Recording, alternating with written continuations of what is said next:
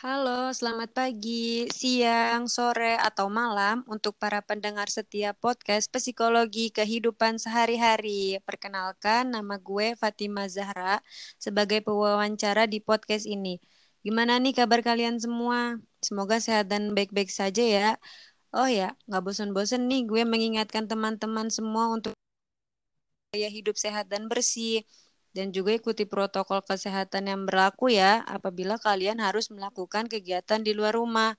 Di podcast ini gue kedatangan narasumber buat tema romantic love. Kali ini itu Hakam Pamungkas. Halo Hakam, gimana nih kabar lo? Udah lama banget kita nggak ketemu selama pandemi ini. Alhamdulillah, gue sehat dan baik-baik aja. Iya nih, udah hampir 8 bulan kita nggak ketemu. Kesibukan lo di waktu pandemi gini apa aja nih, Kam? Kesibukan gue kuliah online aja sih. Udah agak bosen sih kuliah online gini. Pengen cepet-cepet masuk kayak normal lagi. Semoga pandemi ini cepet berakhir deh ya. Syukur deh kalau keadaan lo sehat dan baik-baik aja. Iya, gue juga berharap pandemi ini cepat selesai dan normal lagi. Oke deh, kita langsung masuk ke pembicaraan kita aja ya, Kam. Gue punya beberapa pertanyaan nih yang pengen gue tanyain sama lo tentang romantic love. Tepatnya sih tentang perpisahan dalam hubungan sama gimana sih cara mengatasinya. Menurut Hakam. Oh, Oi. Oh gitu, boleh-boleh tuh. Menurut Hakam, yang jadi faktor penyebab sebuah perpisahan itu apa aja sih? Oke, ya, jadi yang jadi faktor penyebab perpisahan itu bisa dari keputusan komitmen yang terlalu cepat atau terburu-buru. Jadi dia tuh uh, dia pengen apa? Dia suka nih sama satu orang, tapi dia itu nggak melalui proses yang cukup panjang gitu untuk mengenal satu sama lain. Jadi dia terburu-buru menyatakan uh, perasaannya kepada si orang yang disukainya itu. Terus setelah itu kemampuan komunikasi dan manajemen konflik yang gak efektif merasa bosan dalam hubungan yang dijalaninnya. Terus ada menurut dia itu ada hubungan lain yang lebih menarik. Jadi hubungan yang lama itu yang udah dijalaninnya itu dia merasa udah nggak semenarik dulu lagi. Terus eh, yang terakhir itu ada dia tuh merasa nggak puas dengan hubungan yang sebelumnya itu. Oh, jadi faktor penyebab perpisahan itu mungkin udah nggak sefrekuensi juga kali ya sama pasangannya masing-masing. Ya, bisa dibilang gitu. Jadi udah uh, berkurang gitu rasa kecocokannya dengan pasangannya. Terus gimana sih proses perpisahan hubungan itu, Kam? Uh, jadi proses perpisahan hubungan itu yang pertama itu ada kerusakan nih dalam hubungannya. Maksudnya kayak ada permasalahan gitu yang terjadi di dalam hubungannya. Terus yang kedua itu kerusakan dalam hubungannya itu semakin buruk gitu dari yang sebelumnya. Terus yang ketiga, eh, kedua pasangan ini bisa mendiskusikan atau menegosiasikan konflik nih.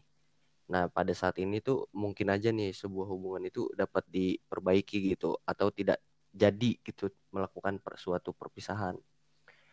Terus yang keempat itu uh, apabila proses diskusi sama negosiasi yang tadi itu nggak berhasil, maka si pasangan ini memutuskan untuk mengakhiri hubungan itu. Tapi menurut gua kan proses perpisahan itu kan susah ya. Nanti ada yang sakit hati, galau, apalagi cewek kan. Terus kenapa harus pisah gitu?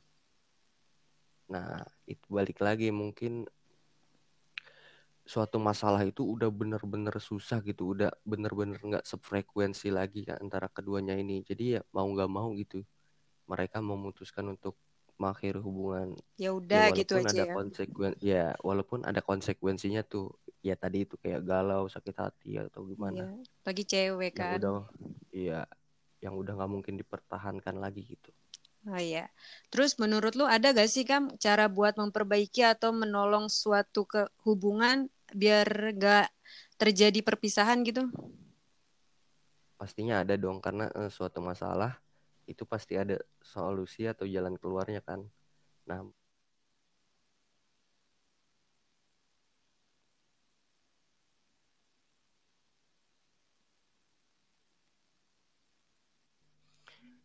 setelah kita yakin, baru deh kita harus berkomitmen dalam hubungan itu. terus yang kedua kita tuh harus memiliki kualitas yang positif gitu dengan pasangan maksudnya lebih banyak mengkomunikasikan hal-hal yang positif dibanding negatif maksudnya kayak uh, lebih sering membicarakan tentang apa namanya hal-hal yang menyenangkan dibanding kayak membicarakan suatu masalah atau konflik gitu. Terus yang ketiga yang sangat penting nih karena kita harus menyelesaikan suatu konflik atau masalah itu dengan cara yang baik dan cepat gitu. Jangan membiarkan suatu masalah itu terjadi berlarut-larut. Yang keempat, kita harus memiliki cara untuk menemukan suasana yang baru dalam hubungan gitu. Jadi biar nggak bosen. Hal ini penting panjang. Jadi biar nggak cepat bosan gitu. Oh jadi menurut Hakam cara memperbaiki hubungan tuh kayak kayak gitu gitu ya? Harus punya komitmen gitu?